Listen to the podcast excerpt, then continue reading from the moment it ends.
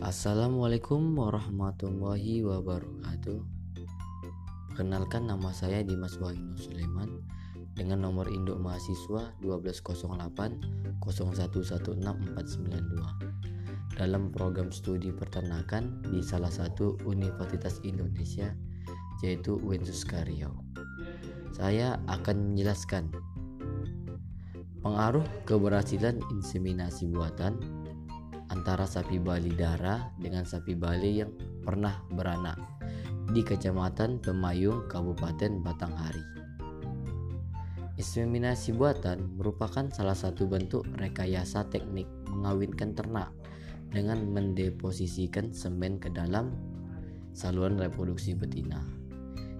Inseminasi buatan adalah suatu cara perkawinan di mana semen pejantan disadap untuk disimpan dalam kondisi tertentu di luar tubuh hewan. Kemudian, dengan menggunakan suatu alat, semen dimasukkan ke dalam saluran kelamin betina supaya terjadi kebuntingan pada ternak. Pada intinya, tidak ada perbedaan keberhasilan. Inseminasi buatan antara sapi Bali yang masih darah dengan sapi Bali yang sudah pernah beranak. Pada intinya, semua itu sama tergantung dengan kondisi sapi tersebut.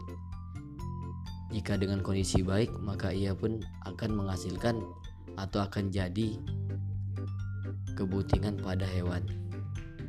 Baiklah, mohon maaf jika ada salah. Wabillahi taufik wal hidayah. Wassalamualaikum warahmatullahi wabarakatuh.